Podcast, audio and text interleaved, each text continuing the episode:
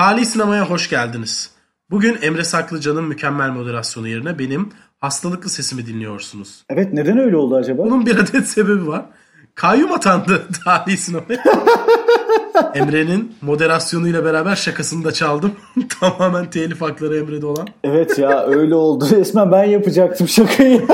Şakam da çalındı. Kayyum şakanı da çaldı. evet ya şakama da kayyum atandı. Nasıl iş bu? Şans eseri yaşıyoruz yemin ederim. Ama bugün arkana yaslanıp rahat rahat filmi anlatmanın keyfini çıkarabilirsin. Çünkü moderasyon benim elimde. Bunun da çok basit bir sebebi var. Filmi Emre Saklıca seçti bu hafta. Bu bir podcast dahadır. Mediapod. İletişim için mediapod.com ya da @mediapod. Evet ben bir halt ettim. Film seçtim. Bitirene kadar canımız çıktı. Yapıştı yemin ediyorum üstümüze. Baya baya bizi zorladı ama e, yani ne yapalım konuşacağız dedik artık konuşacağız yani. Bunun kaçarı kalmadı. Bir hafta bay geçtik. Artık onun yeter. Ayrınt onun ayrıntılarına da gireceğiz ama doğrudan şeyle başlayalım. Neden bu film? Evet neden bu film? Ben bu filmi yazarından dolayı seçtim. Birincisi dünyada benim de ve birçok edebiyat severin de kendi kriterlerinde böyle iyi kitap olarak sınıflandırdığı kitaplar vardır. Tatar Çölü de bu kitaplardan birisi. Dino Buzzatti'nin eseri. Ben bu kitapla nerede tanıştım onu kısaca anlatayım. Umak'tayken Mehmet Eroğlu ki ekşi sözlükte kitapla ilgili bir şeyler üzerine okumaya kalkarsanız pek çok yerde aynı cümleyi duyabilirsiniz. Mehmet Eroğlu insanları ikiye ayırır. Bir bu kitabı okumaya, okuyanlar, iki bu kitabı okumayanlar. Çok özür dileyerek e, UMAT nedir bu arada? Uğur Mumcu Araştırmacı Gazetecilik Vakfı. Tamam. Evet. Teşekkürler. Devam edelim. Açıklamamı yaptım. Dipnot olarak bunu da belirttik. Çünkü ben de dahil pek çok insanın bilmediği bir şey bu muhtemelen. Evet. E, akademik metin yazıyoruz. Şu anda her şeyin giriş kısmı. Dipnotunu verdirttim. Dino Buzzatti'nin bu kitabı benim de çok e, değer verdiğim ve yaşama dair birçok şeyi anlatan bir kitap. Bunun edebiyat uyarlaması olarak bir filmini gördüğümde ilgimi çekti. Bu birinci sebebi. İkincisi filmin puanı IMDb'de 7.6 ve 1718 kişi tarafından oylanmış. Bu kadar iyi bir edebiyat eserinin bu kadar az bilinen bir filmi olması ilgimi çekti. Ve İtalyan sinemasına ilişkinde bir şeyleri de konuşabiliriz ümidiyle ben bu filmi seçtim. Seçme sebeplerimiz bunlar. Çok güzel. Peki sana minik bir challenge vereceğim. Hı-hı. Filmi özetlemeni ve filmde ne bulduğunu isteyeceğim ama challenge şu.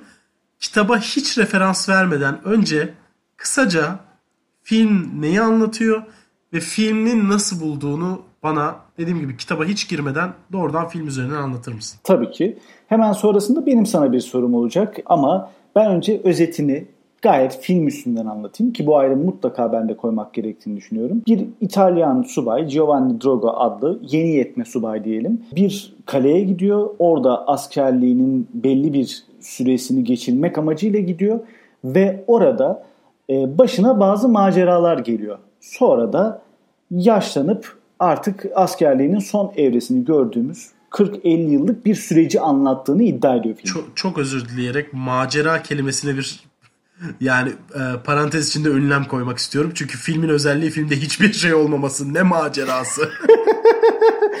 ben işte şimdi bak burada sana şu soruyu soracağım. Filmin aptallığı burada çıkıyor ortaya zaten. Temel soru şu. Sen bu filmi izlediğinde hayata ilişkin elinde bir soruyla çıktın mı filmden? Ya ben şöyle söyleyebilirim. Kitabı okumamış biri olarak, kitabın adını dahi duymamış biri olarak. Evet. Oturdum senin söylemen üzerine filmin hiç plotunu falan da okumadan doğrudan filmi seyrettim. Şu, bu anlamda filmden hiçbir beklentim yoktu ne alacağımı bilmiyordum. Buna rağmen filmin bana verdiği bir şey oldu. Fakat yapabildiği için değil etrafında dolaştığı bir konu vardı. Filmin işte ana teması o yalnızlık, sıkılmışlık, rutinin bunaltıcılığı ve bununla bağlantılı olarak verilen irrasyonel kararlar. Hı hı. Ve askerlerin psikolojik durumunun yavaş yavaş çöküşe geçmesi. Filmin anlatmak istediği, esas üzerine oturduğu temel olduğunu anladım. Fakat film kesinlikle bunu anlatamıyor. Kesinlikle başaramamış. Yani kıyısından kıyısından dönüyor her yerinde. Yani buna rağmen film bazı bence şeyler barındırıyor. Tabii ki de insanın kafasında soru işaretleri yaratıyor. Çünkü enteresan bir konu.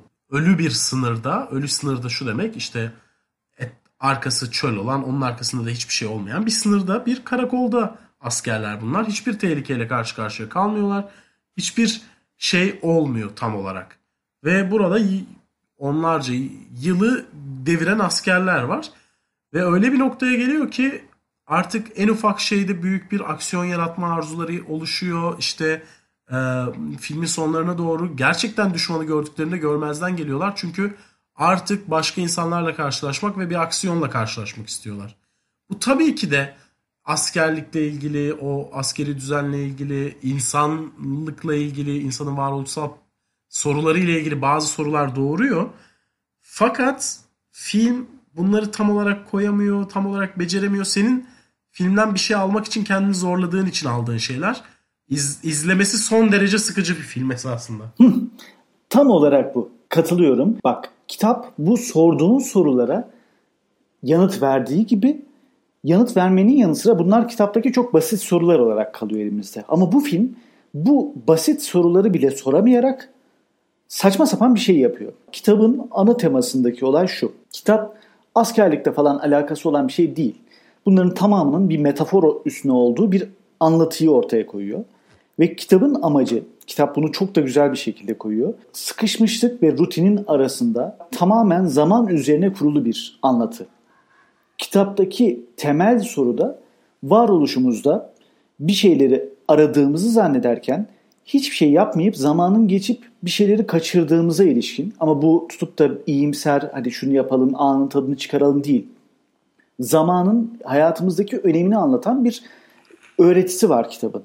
Ve bunu da çok güzel yapıyor. Varoluşsal sorular üzerine e, iyi bir metin koyuyor ortaya. Ama film buna ilişkin çok az şey yapıyor. Filmin anlattığı şey biz orada tamamen askerliğin içinde ne yaptığını anlamayan, böyle şaşkın şaşkın etrafa bakınan tuhaf bir e, Drogo karakterinin sağa sola gitmesini e, ve anlamsız sıkışmışlığını görüyoruz. Yani filmde ne zamanın geçtiğini hissediyoruz. Böyle hafif yanına saçına kırçıllar dökerek 40-45 yıl artık kaç yıl geçtiğine ilişkin bir izlenim yaratmaya çalışıyorlar. Ne de e, yani o gittiği yola ilişkin soruları ortaya koyuyor. Bunlar amacıyla çıkıp yani sorular sorma amacıyla yola çıkan bir metin o soruları soramadığı gibi bir kenara bırakıyor. Sonrasında ortaya basit sıradan bir öykü kalıyor. O basit sıradan öyküyü de anlatamayan rezil bir şey çıkıyor. Yani ben kitabı okumasam bu filmi sen iyi katlandın iki buçuk saat. Seni takdir ediyorum. Ben kitabı okuyarak aradaki boşlukları doldurmaya çalışıyorum. Yok olmuyor yani. Ona bile oturmuyor kitap. Bu kadar vasat, berbat bir anlatıyla gidiyor. İki buçuk saat boyunca. Ben de kitabı okumadım ama senin 3-5 sayfada kitabın işte girişini okuduğun herhalde bir 15 dakika falan bir bölüm vardı. Onu dinledim. ee, zaten orada filmin giriş sahneleriyle orayı karşılaştırdığın zaman şey çok bariz görünüyor. Kitabın e, yaratmaya çalıştığı şey minimal aksiyon ve maksimum detaylandırma, psikolojik durumun yansıtılması, ana karakterin hissettikleri. Ya sadece kitabın işte başında senin okuduğun 15 dakikalık bölümden benim gördüğüm. Şimdi Kesinlikle çok, öyle. Zaten bir kitapta genelde böyle olur işte özellikle psikolojik durumu anlatan. Fakat film bunu nasıl adapte etmiş? Karakter at üstünde yaldır yaldır gidiyor uzun uzun. Yani evet. uzun uzun büyük e, geniş açılı işte ovalarda, dağlarda güzel güzel de işte dış mekanlar bulmuşlar. Oralarda at sürmece. Ve burada karakterin psikolojisiyle biz zaten herhangi bir tanışıklık yaşamıyoruz karakter kaleye girene kadar. E, kaleye girdikten sonra da kitapta nasıl devam ettiğini bilmiyorum ama farklı ilişkilerinde etkileşimlerini yine ana karakterimizin göremiyoruz. Çünkü karakterin iş dünyasına yansıtacak hiçbir sinematik e, şey yapılmamış, numara çekilmemiş. E, karakterlerin birbirleriyle ara ara böyle beylik laflar ettikleri ilişkilerini görmeye başlıyoruz. Hah, tam olarak bu zaten. Kitap tamamen Drogo karakterinin psikolojik dünyasıyla ilgilenirken film onu bırakıyor. Hiç filmde hissettin mi sen? Yani Drogo'nun ne düşündüğünü, nasıl bir yaşam motivasyonu olduğunu, ne amaçladığını biz fark etmiyoruz bile. Yani filmin sonuna gelene kadar Drogo'nun e, da düşmanı aynı şekilde arzulayan bir karaktere dönüştüğünü anlamadık bile. Evet. Bizim için öyle bir gerçeklik yoktu. Drogo bir anda böyle bir adama dönüşmüş diye fark ettik. Evet evet. İşte film bu e, dinamiği iyi kuramadığı gibi yani kitabı çalıyor. Kitabı çok kötü bir şekilde ele alıyor. E şimdi filmin yazarlarına bakıyorsun. Kitabın yazarı Dino Buzzatti'nin öykü olarak katkısı olduğunu biliyoruz zaten. E, sonra hikayeye bakıyorsun. Andre Brunell'in diye bir isim. Diğeri de Jean-Louis Bertuccelli. Bu iki kişi hikayeyi ekrana taşır vaziyete getiriyor. E, tabii daha çok Brunelli'nin biraz katkısı var burada senaryonun anlatılmasında. Ve kendisi 18 filme imza atmış. Şimdi bir yandan IMDb'den kontrol ediyorum. Ve senaryosunu aldığı çok berbat filmler de var. Ama piyasada bilinen Marlene Dietrich'in e, belgeselini falan mesela e, bu şahıs senaryolaştırmış. Yani bu konuda yetenekli olarak bilinen birisi.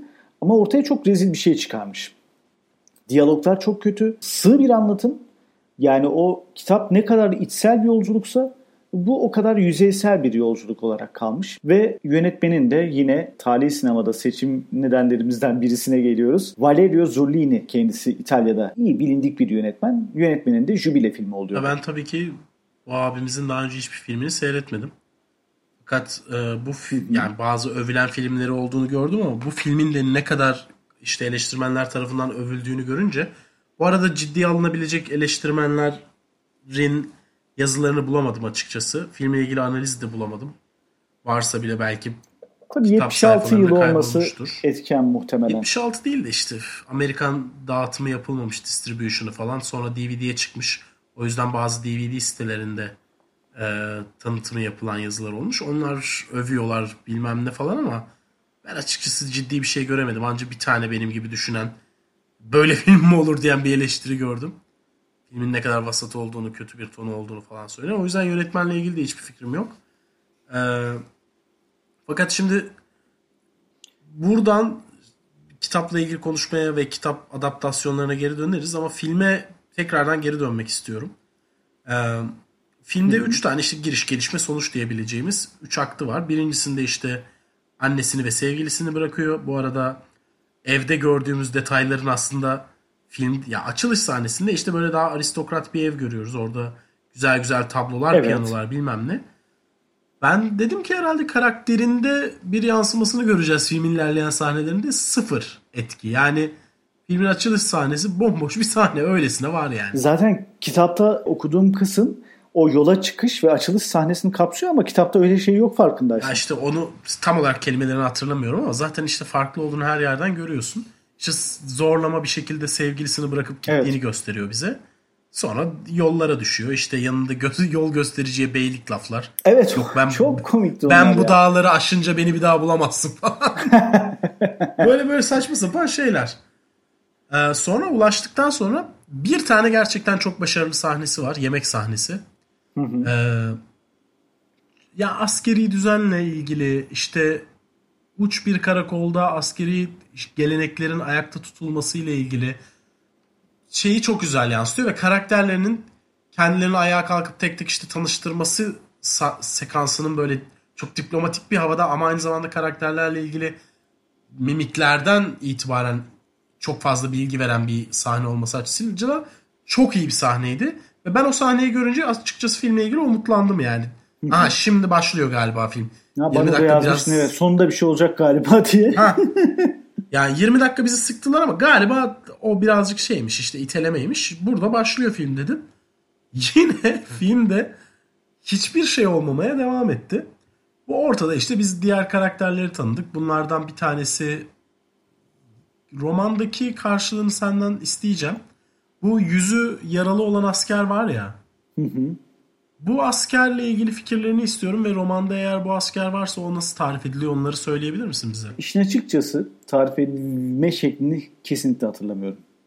E, çünkü Hı. yıllar oldu okuyalı kitabı. Hatta bu filmi izlerken ya bir kez daha okusa mıydım acaba ben diye düşündüm bu dönemde. Çünkü daha iyi bir kıyaslama yapabilirdim. O yüzden orada yorum yapamayacağım. Önemli değil ama yani filmdeki şeyini de anlatabilirsin. Sen de bıraktığı etkiyi. Ya bir tane askerliğe bütün gelenekleriyle önem veren bir askerimiz var. Hı hı. Diğer insanların bıkkınlığı vesaireler devam ederken o askeri kuralları sonuna kadar uygulayan katı olarak gösterilen bir abimiz diyelim. Hı hı. Sen bu karakterle ilgili ne düşündün? Önemli karakterlerden birisiydi filmde. Ya filmde önemli karakterlerden birisiydi ama onun hakkında düşündüğün tek şey şu oluyor. Bu filmin içerisinde bakınca yine kitaba gitmeden yorumladığında bütün her şeyi aksarken e, işlerin doğru yapılıp bir yere varılabileceğini ve hiçbir yere varılamayacağının bir sembolü gibi duruyordu karşıda sanki. Kitapta buna benzer bir şey hatırlıyor musun? Özel olarak karakter değil ama yani oynadığı rol, diğer insanlarda yarattığı etki itibariyle vesaire. Hiç hatırlatmadı bana öyle bir etki yarattı desem yalan olur. Benim açıkçası filmde yani az çok özdeşim kurabildiğim, anlayabildiğim hatta hak verdiğim tek karakter bu karakterdi. Çünkü diğer karakterlerin birbirlerinden hiçbir farkları yok ve zaten sona doğru geldiğimizde birbirlerinden hiçbir farkları kalmadığını anlıyoruz. Zaman hepsini aynılaştırıyor. Değişmeyen ve biz yani filmde geriye kalan tek karakter bu. Askeri kurallara önem veren. Yani asker asker olan abimiz en son ana kadar. En son ana kadar ve geri kalanlar ve bu askerliğin önem, onlar için önemini yitirdiği artık hatta vatan haini konumuna düşecekleri hareketler yapan işte o sıkılmış güruh. O yüzden filmde iki tane Hı-hı. karakter tipi var gibi geldi bana. Yani film açısından haklı olabilirsin. Hiç bu açıdan düşünmemiştim. O yüzden bu noktada çok fazla şey söylemek de ne kadar doğru olur bilmiyorum ama bu ayrım kitabın ayrımı değildi. Yani film birazcık bunun altını çizmek istemiş. O konuda yani kitap başka bir şeyle ilgileniyordu. Filmde tamamen askerliğin doğru yanlış yönleri üzerine birkaç böyle e, farklı şeyleri de koymaya çalışır gibi olmuş koymamış. Ve ben şeyi de çok çözemedim. Yani e, bu ikilemde savaşın artık olmayacağı yani daha doğrusu askerlerin dileğinin masraflar dolayısıyla başka yerlere tayin edileceği denkleminde orada da tam anlamıyoruz. Yani bir dönemsel dönemden bağımsız bir haldeyiz. Yani politik bir şeyi de yok bu e, askerlik ayrımının şeyinin. Yani dönemden bağımsız onu yorumlamak da zor gibi geliyor bana. Yani çok karikatürize olmuş gibi geldi bu yüzden o. Ya işte esasında en e, ucuz yöntemlerden biri ya işte zamanı ve zamanı söylemiyorsun, yerin neresi olduğunu söylemiyorsun ve esasında şey mesajı vermiş oluyorsun. Bu hikaye evrenseldir. Her yerde geçerli olabilir. Yani isim ve tarih verdiğin hikayeler de evrensel bir şey anlatabilirler. Bu çok çok ucuz bir numara. Böyle lise öğrencisi olup e, işte kısa film çekecek olsam yapacağım bir numara. O yüzden bana da çok çiğ geldi açıkçası bu zamanın ve mekanın gizlenmesi. E, yani yazar da filmdeki fikri filmi izleyemeden ölmüş olsa da filmdeki fikri beğenmiş önceki konularda hatta bir aşama ileriye götürüp e, işte daha da hepsinin farklı üniforma, farklı helmet vesaire giymesi gerekirdi. Drogo'ya da e, Habsburg hanedanının kıyafetini giydirirdim demiş. Yani bu metaforun kendisi e, yazarın metaforu sanırsam. Sen ne diyorsun? Dediğin gibi biraz cheesy kaçıyor ama şunu da unutmamak lazım. Kitaptaki hissiyatı verdiğinde üniformaların ve mekanın bir önemi kalmaz bu filmde. Hiçbir önemi kalmaz. Yani çok soyut bir şeyden gidiyor. Tamam mı? Ama film daha spesifik bir halde daha e, yüzeysel bir şeyden gittiği için filmde absürt kaçıyor. Yani e, bu filmin en büyük sancısı bu kitabın uyarlaması olması. Başka bir metin olarak karşımızda olsa bir kitap uyarlaması değil de böyle bir film olsa karşımızda bunun üstünden konuşup bu filmi gömebilirdik belki. Ama sen bir kitap uyarlamasıyım deyip yani kitapta gerçekten zaman ve mekanın önemi yok.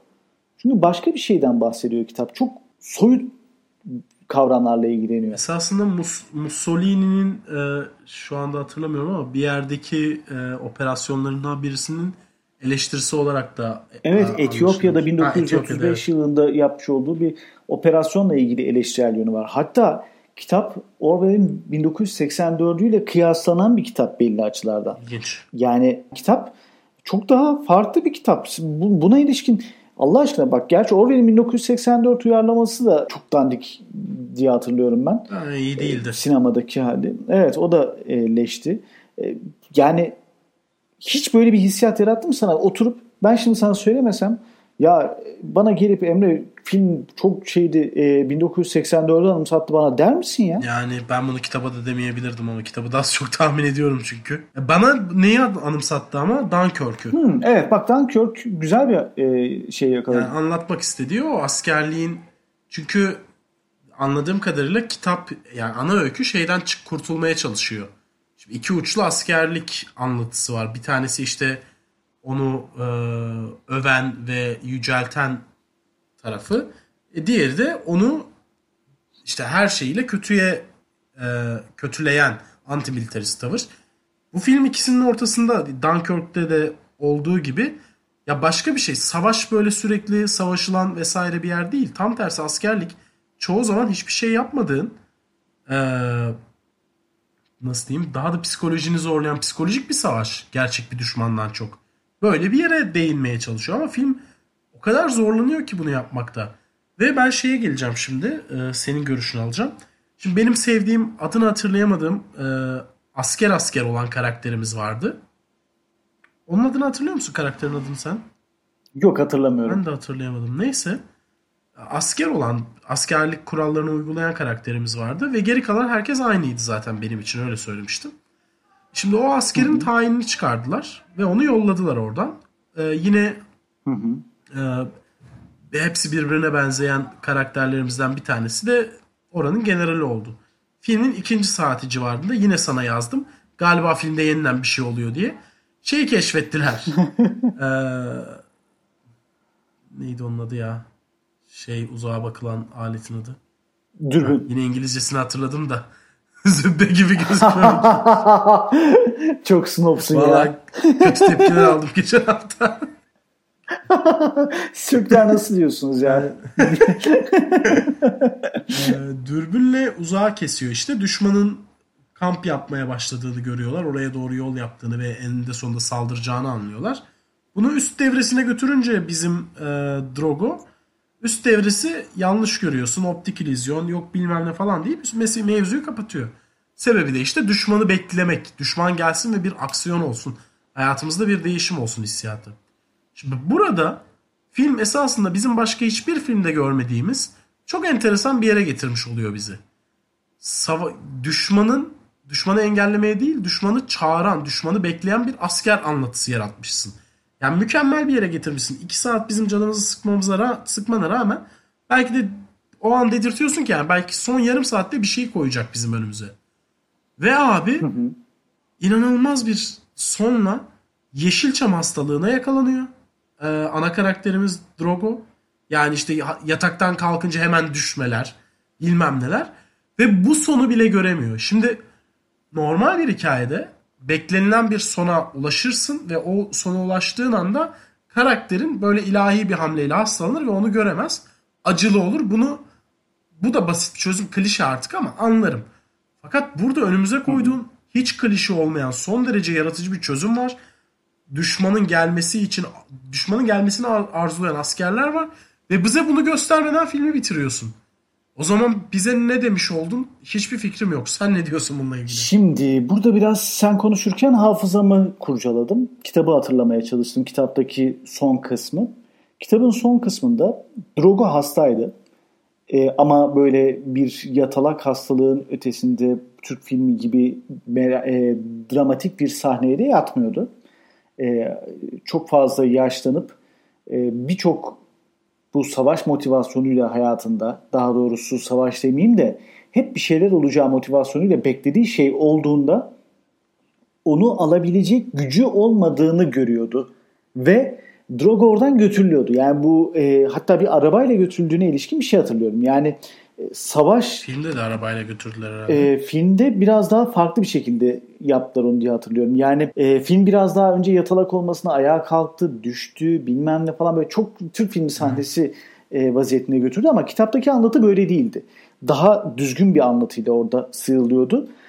Ama e, kitapta bu sırıtmıyordu dediğim gibi. Filmde sırıtıyor. Yani belki bu e, Evet filmdeki e, ne metinle, e, görselliğin farkından kaynaklanıyor. Bak e, kitapta demin 1984 kıyaslamasında aklıma gelen şey şu. Kitabın makro öyküsünde şu var. Belki Game of Thrones'da George R. R. Martin'de e, sınır boyundaki o e, kuzeydeki duvarı oluştururken bunu düşünerek oluşturmuştur. E, sen izlemiş miydin Game of Thrones'u bu arada? O kadar biliyorum. Ha, şimdi bu kuzeydeki sürgün insanların olduğu yer diyeyim. O kalede hep bir düşman beklentisiyle oranın güvenliği çok sağlam tutulur. Makro öyküsünde böyle bir şey var kitabın tamam mı? Kitap şunu diyor. Hep bir savaş halinde olacağız devlet olarak. Bu savaşa her zaman hazır olmamız lazım. Burası en uç nokta. Buraya yatırımımızı yapmalıyız. Beka tartışması var. Ülkemiz buradan Tatarlar gelirse bölünüp parçalanacak ve biz burayı en güvenli halde tutmalıyız. Ve bunun sıkışmışlığında böyle bir şeyi ömrü boyunca bekleyen insanların kendi içindeki psikolojik yolculuğu.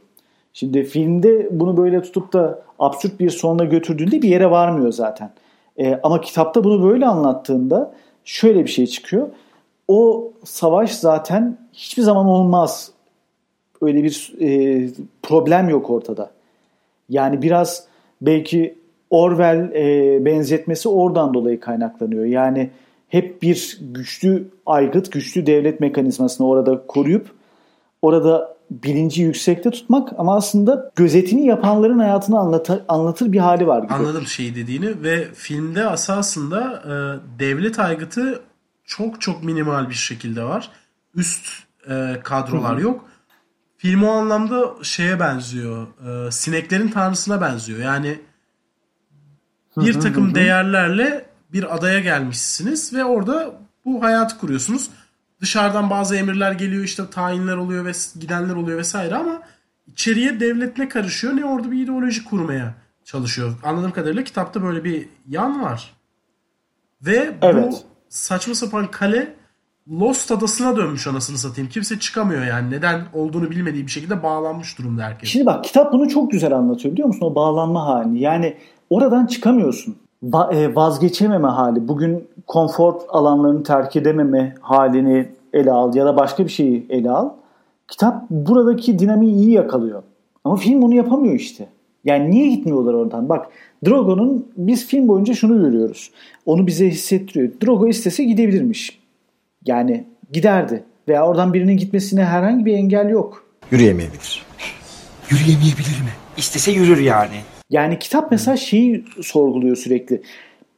İnsanların vazgeçememe hali. Yani e, onları esirleri, esir diyelim tamam mı bu askerlere. Onlar serbest bırakıldığında da gidemiyorlar. Bir gün onlara gidebilirsiniz dendiğinde de gidemiyor insanlar. Herkes orada yaşıyor. Tabii işte intihar ediyor. Daha zaten ilk sahnede gelirken de e, bir sürü öl yani hiç savaş olmayan bir kaleye geliyor ve gelirken ölmüş askerlerin silahlarıyla işte gömüldüğü bir yeri görüyor. Bir sürü asker ölmüş evet. orada. Ama hiç savaş olmamış bir kale. Ama işte bunu e, film bu hissiyatla anlatamıyor. Yani o anlatıdaki tını e, galiba çok şey değiştiriyor ya. Yönetmenden kaynaklı mı, senaryodan kaynaklı mı bir, bir şey var orada aksi. Yani işte e, ya filmde ben pardon özür dilerim şeyde kitapta belki çok iyi bir şekilde anlatıyordur ve e, neydi karakterimizin adı ana karakterimizin Drogo. Drogo. Drogo'nun Drogo'nun hastalığını vesaire sana yediriyordur filmde ama benim gördüğüm kadarıyla şeyde filmde ya Drogo'nun hasta olması zaten bize hiçbir şekilde ne hastalığı olduğu da açıklanmıyor.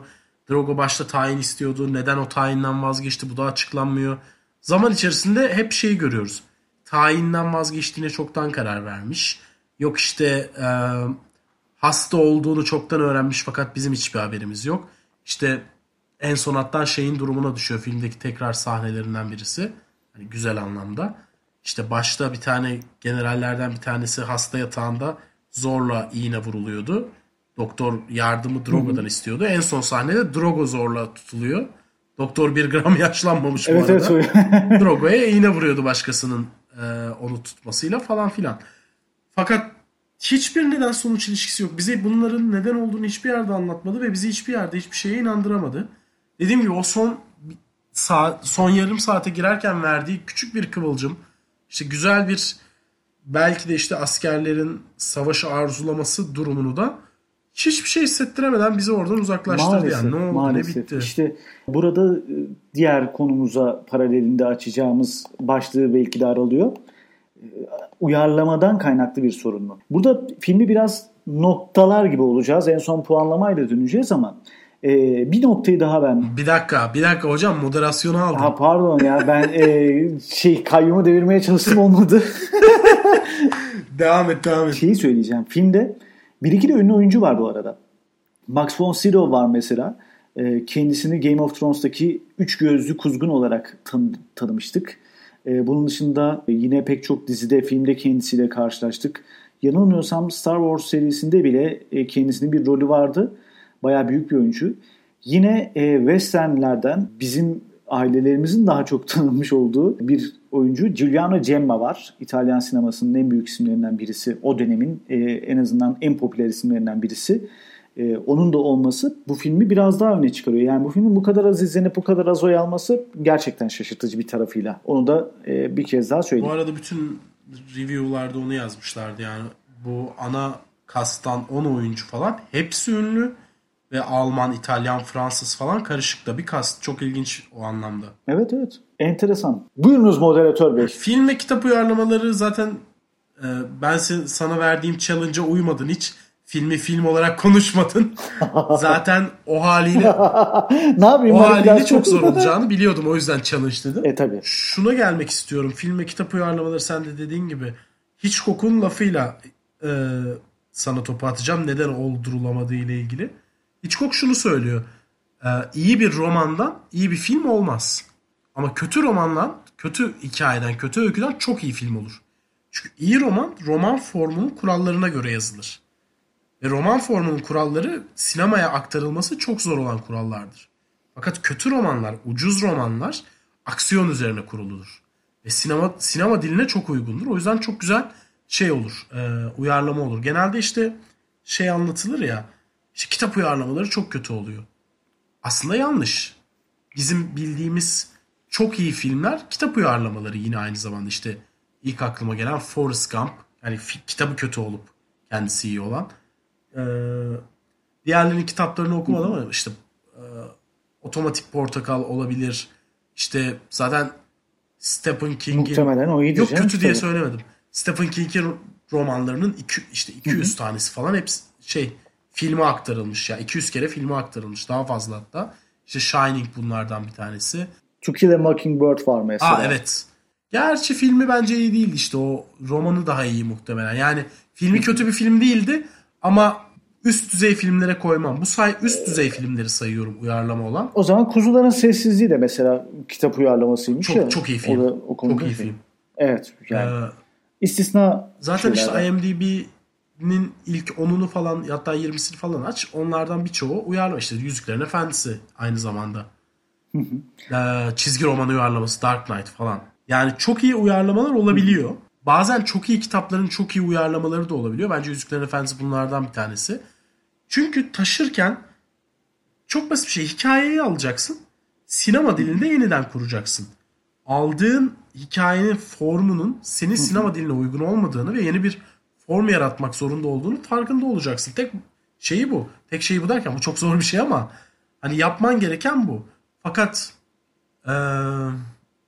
şimdi kimin lafı olduğunu hatırlamakta çok güçlük çekiyorum ama yine ünlü yönetmenlerden birisinin lafıydı diye hatırlıyorum. Suç ve Ceza'nın filmi olamaz diyordu. Suç ve Ceza'nın filmi olamaz. Yani okuduğun romanı hayal et. Çok kötü olabilir. Ya da gerçekten çok devrimci bir sinema diliyle onu Dostoyevski'ye ait olarak değil. Gerçekten bir yönetmen kendi malı haline getirir. Mesela işte Shining'deki durum o.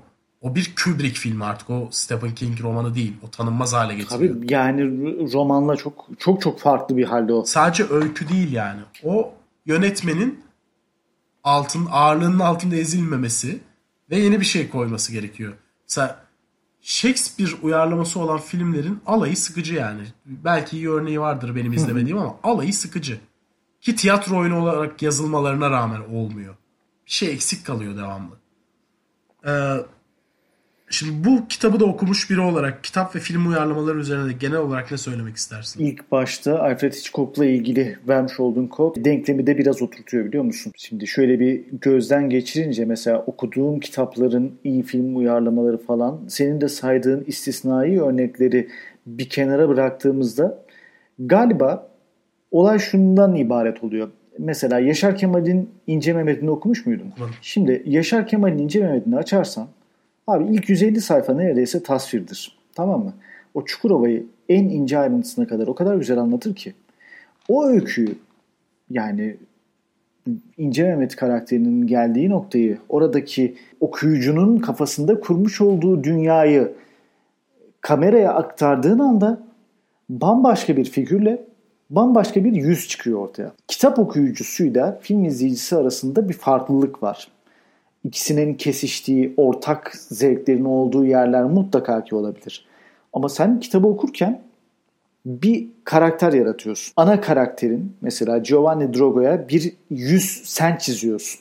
Belki bu senin bir arkadaşının silüetiyle, e, kafandaki bir İtalyan figürüyle, belki ne bileyim e, İtalyan bir e, filmi duyduğun anda e, aklına İtalyan kökenli bir oyuncu geliyor ve e, diyorsun ki hani mesela yüz olarak onu oturtuyorsun. Sonra e, vücudunu veya işte farklı yönlerini tasvir ettikçe jestlerini, mimiklerini oturtuyorsun kafanda ve ona bir öykü yazıyorsun. O kaleyi sen tahayyül ediyorsun. E, her şeyi sen e, tasarlıyorsun ve sana bir dünya sunuyor. Edebiyatta, iyi edebiyatta bunu çok güzel anlatıp ortaya yüzlerce satır tasviri yapmasa bile bir imge çıkarabilmektir maharet zaten. Bu çok basit temeli işin. Şimdi o imgeyi film alıp bambaşka bir gözle anlattığında zaten kitabı okuyan kişinin hayalindeki o dünyayı yıkmış oluyorsun. Ortaya bambaşka bir figür koyuyorsun. Mesela Yüzüklerin Efendisi ile ilgili en iyi kitap uyarlaması Oscar'ını aldı. Ama Yüzüklerin Efendisi fanlarının bir kısmı çok kötü bir kitap uyarlaması olduğunu söyledi. Çünkü kafalarında yaratmış oldukları evren mesela Blind Guardian'ın yaratmış olduğu şarkılarla birlikte bambaşkaydı belki de. Mesela Tom Bombadil'in karakteri belki kitapta önemsiz kaçabilir kimisi için ama filmde adı bile anılmıyordu. Bunu yaptığında kitabı okuyan kişi filme ters bakabiliyor. Zaten bir ön yargıyla başlıyorsun tamam? Ha, bunun kitabı daha güzeldi falan diye gidiyor.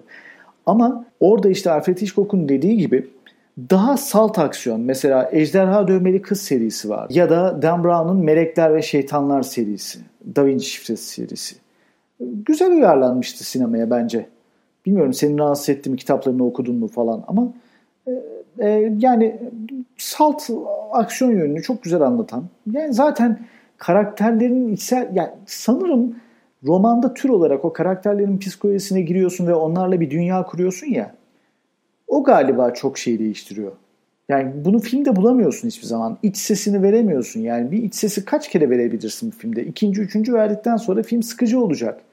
Şimdi Dostoyevski'den bahsettim. Dostoyevski karakterinde o cümleleri kurmadığın takdirde zaten Dostoyevski filmi çekmiyorsun. Başka bir şey yapıyorsun. İç sesle çözmek zorunda değiller tabii ki her seferinde. Onun da örneği şey geliyor aklıma. Değil tabii ki. Bunun da formülleri var. Manchester by the Sea'yi düşün mesela. Hı hı. İşte psikolojik bir tasvir. İç ses sıfır iç ses. Ama istisna değil mi bunlar? Niye istisna diyorsun? Yani şundan dolayı diyorum. 100 iyi kitabın uyarlamasından bir tane iyi film çıkabiliyor. Belki. Uyduruyorum bu istatistiği tamamen. İyi kitabın, iyi kitabın uygula, uyarlamasından mı Evet evet. 100 iyi kitabın masterpiece diyelim. Filme uyarlamasından bir tane iyi film çıkabiliyor. Bu istatistiği doğru kabul edersek bunun tamamlayıcı istatistiği şu olur ama 100 tane kötü kitabın uyarlamasından 99 tane iyi film çıkıyor. Yok o tamamlayıcısı değil. 100 kötü kitaptan mesela 60 tane de iyi film çıkıyordur belki. Bilmiyorum bu kadar yani bu istatistikleri tamamen uydurarak e, veriyorum bu arada. Şey değil. E, bir varsayımsal olarak çok iyi kitap uyarlamaları da var. Yani yok demek haksızlık olur. Mesela e, Godfather'ın kitabını okudun mu? Yok okumadım. Mario Puzo'nun kitabı ile film arasında evet Coppola'nın orada kimliğini koyuyor. E, ve ortaya bambaşka bir şey çıkarıyor. E, Shining de aynı işte. Yani ama bunlar yani dediğimiz gibi bir ton uyarlama var. Bir ton uyarlamada daha azınlıkta kalıyor sanırım başarılı uyarlamalar. Bahsettiğim bir de deneyim tarafı vardı ya okuyucunun deneyimi. O ona asla hiçbir şey yapamazsın yani. Filmin kralını da koysan ortaya e, okuyucuyu tatmin etmek çok zor dediğin gibi. Çünkü okuyucu kendi hayal dünyasını yaratıyor. O hayal dünyasına ne yaparsan yap ihanet etmiş oluyorsun. Atıyorum işte ben önce Yüzükler Efendisi'nin filmini izleyip sonra kitabını okuduğum için ben de bu bunu yaratmadı tabii ki. Fakat Evet. Hatta sıkılmışsındır kitapta belli yerlerde. Kitabın mesela iç içe anlatma işi işte Frodo hikayesiyle diğer savaş hikayelerini e, Frodo ve Sam'in yolculuğu sıkıcı geliyordu. Ama savaş öyküsü çok zevkliydi. Film bunu iç içe verip iki tarafı birden çok güzel dengelemişti bence. O çok zekice bir hamleydi. Ee, ama benim hayal dünyamı yıkmadı tabii ki de. Dediğin şey çok önemli. Ama ondan da önemlisi yani e, burasını da geçtim. Ya bunların iki farklı form ve ikisinin ayrı ayrı dilleri var.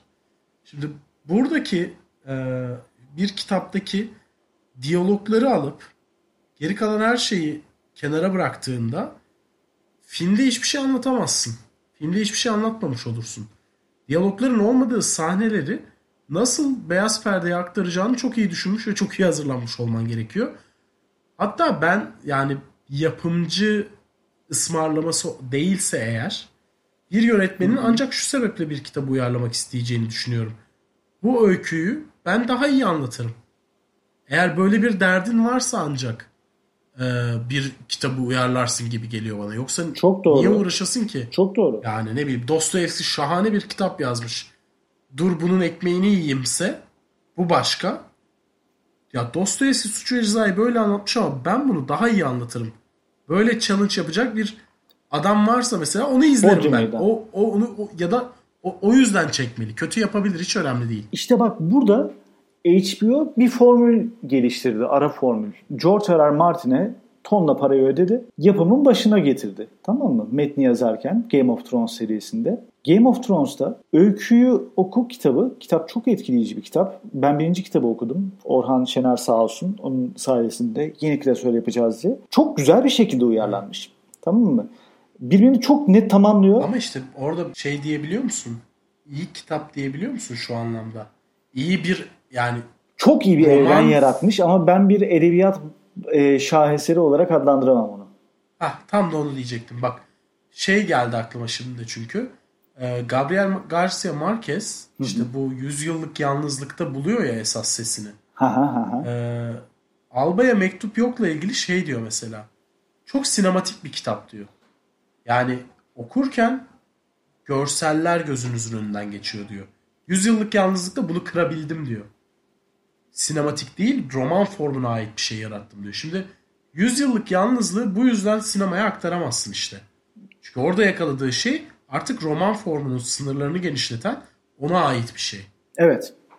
bu kadar iyi edebiyatın uyarlaması hakikaten imkansıza yakın oluyor neredeyse. Evet, Ama evet. biraz daha popüler kültür işi aksu zaten Game of Thrones fantastik bir evren. Lord of the Rings de öyle, Harry Potter da öyle. E, Fight Club da öyle esasında. Bunlar çok üst iyi hikayeler, çok güzel öyküler falan. Ama edebiyat formunun en iyi eserleri değiller. Ve dönüp baktığımda bu kadar üst düzeye klasiklere konulabilecek bir edebiyat eserinin aynı seviyede iyi film uyarlaması şu an hiç aklıma gelmiyor mesela. Kesin vardır ama şu an hiç aklıma gelmiyor. Varsa senin aklına gelen. Evet doğru. Yani bu, bu iş ilginç bir denklem ya. Ee, gerçekten hiçbir zaman birini tam tatmin edemezsin. E, güzeli bu esasında bence işin. Yani Belki de. o mevcut olan forma sadakat ve o formun en iyi örneğini vermek. En iyi resmi çizmek, en iyi müziği yapmak. Zaten birazcık idealize bir tanım ama ya bir sanatçı niye bir formla uğraşır? Yani neden bir sanatçı resim yapar ya da müzik yapar? Çünkü başka bir şekilde anlatılamıyordur o anlatmak istediği şey zaten. O yüzden o formun e, sınırları içine dahil olmuştur. E, orada yarat eğer başarılı olduysa o formun içerisinde bunun diğer dillere e, tercüme edilemiyor olması lazım. Gündelik dile ya bir şiirin gündelik dilde anlatımı olmaz. Ya bak şeyde çok güzel bir sözü çok hiç beklemedik bir yerden gel- gelmişti. Kaan Tangöze'ye bir tane şarkı sözünü sormuşlardı bir röportajında. Burada ne demek istiyorsunuz diye. Ben zaten onu söyleyebiliyor olsam bu şarkıyı yazmazdım demişti. Ya bunu zaten baş- başka bir şekilde ifade ediyor olsam Doğru. niye bu şarkıyı yazayım diyor adam. O kadar haklı ki. Sanat budur işte yani. Güzel. iyi bir noktaya taşıdık galiba ya konuyu. Bu filmden bu kaliteli sona doğru kaliteye bağlayan muhabbetin çıkmaması gerekiyordu esasında. Film ben de ona şaşırdım. Film hiç hak etmiyordu bunu. Ve filmle ilgili de çok eleştirmenlerin yazdığı yazılara bakınca işte sıfat kullanımının had safhada olduğu işte her sah glorious, fabulous bilmem ne falan diye bütün sahneleri ya da oyunculukları ya da yönetmenliği ya da görüntü yönetmenliğini anlattıkları fakat basit cümlelerle işte Howard Becker'in sosyal bilimciler nasıl yazmalı da anlattığı yani bütün bu süslemeleri çıkardığında yazdığın şey hala anlam ifade ediyor mu diye düşününce eleştirmenlerin yazdıkları pek anlam ifade etmemeye başlıyor. Review yazanların özellikle anal, anal, film analizi yapanların değil tabii ki de. Ama review yazanların çoğuna baktığın zaman filmle ilgili bir şey söylemekten aciz. Eğer bir film açık kapı çok bırakıyorsa onu daha çok sevenler. O da işte Kuhn'un anlattığı paradigma hikayesi. Yani o community'ye hayatta kalabilme şansı verebiliyor mu? Üstüne söz söyleme şansı verebiliyor mu bir yapım? O yüzden bu kadar bayılıyorlar sona açık olduğu iddia edilen ama esasında boş bırakılmış filmlere.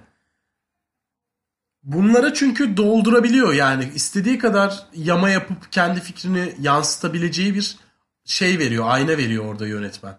Community ayakta kalıyor. Komün, ayakta kalan community yönetmeni daha da yüceltmeye başlıyor.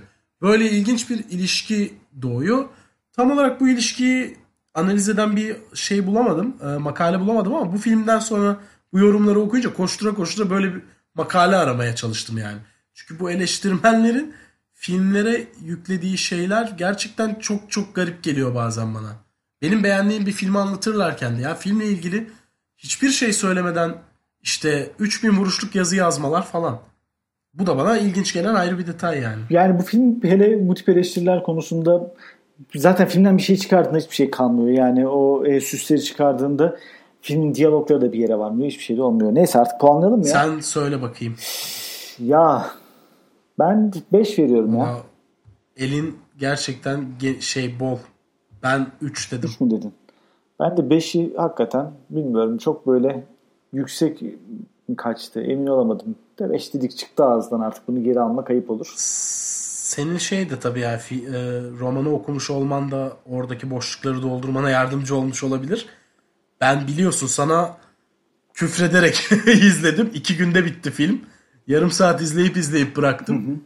Benim için çok daha acılı bir dene- deneyimdi. Sen en azından biraz daha hikayeyi bildiğin için rahat izlemiş olabilirsin. Ee, ama şunu da söyleyeyim. Bu filmi izledikten sonra bu kitabı kimse okumaz. Yani zaten kimse izlememiş filmi.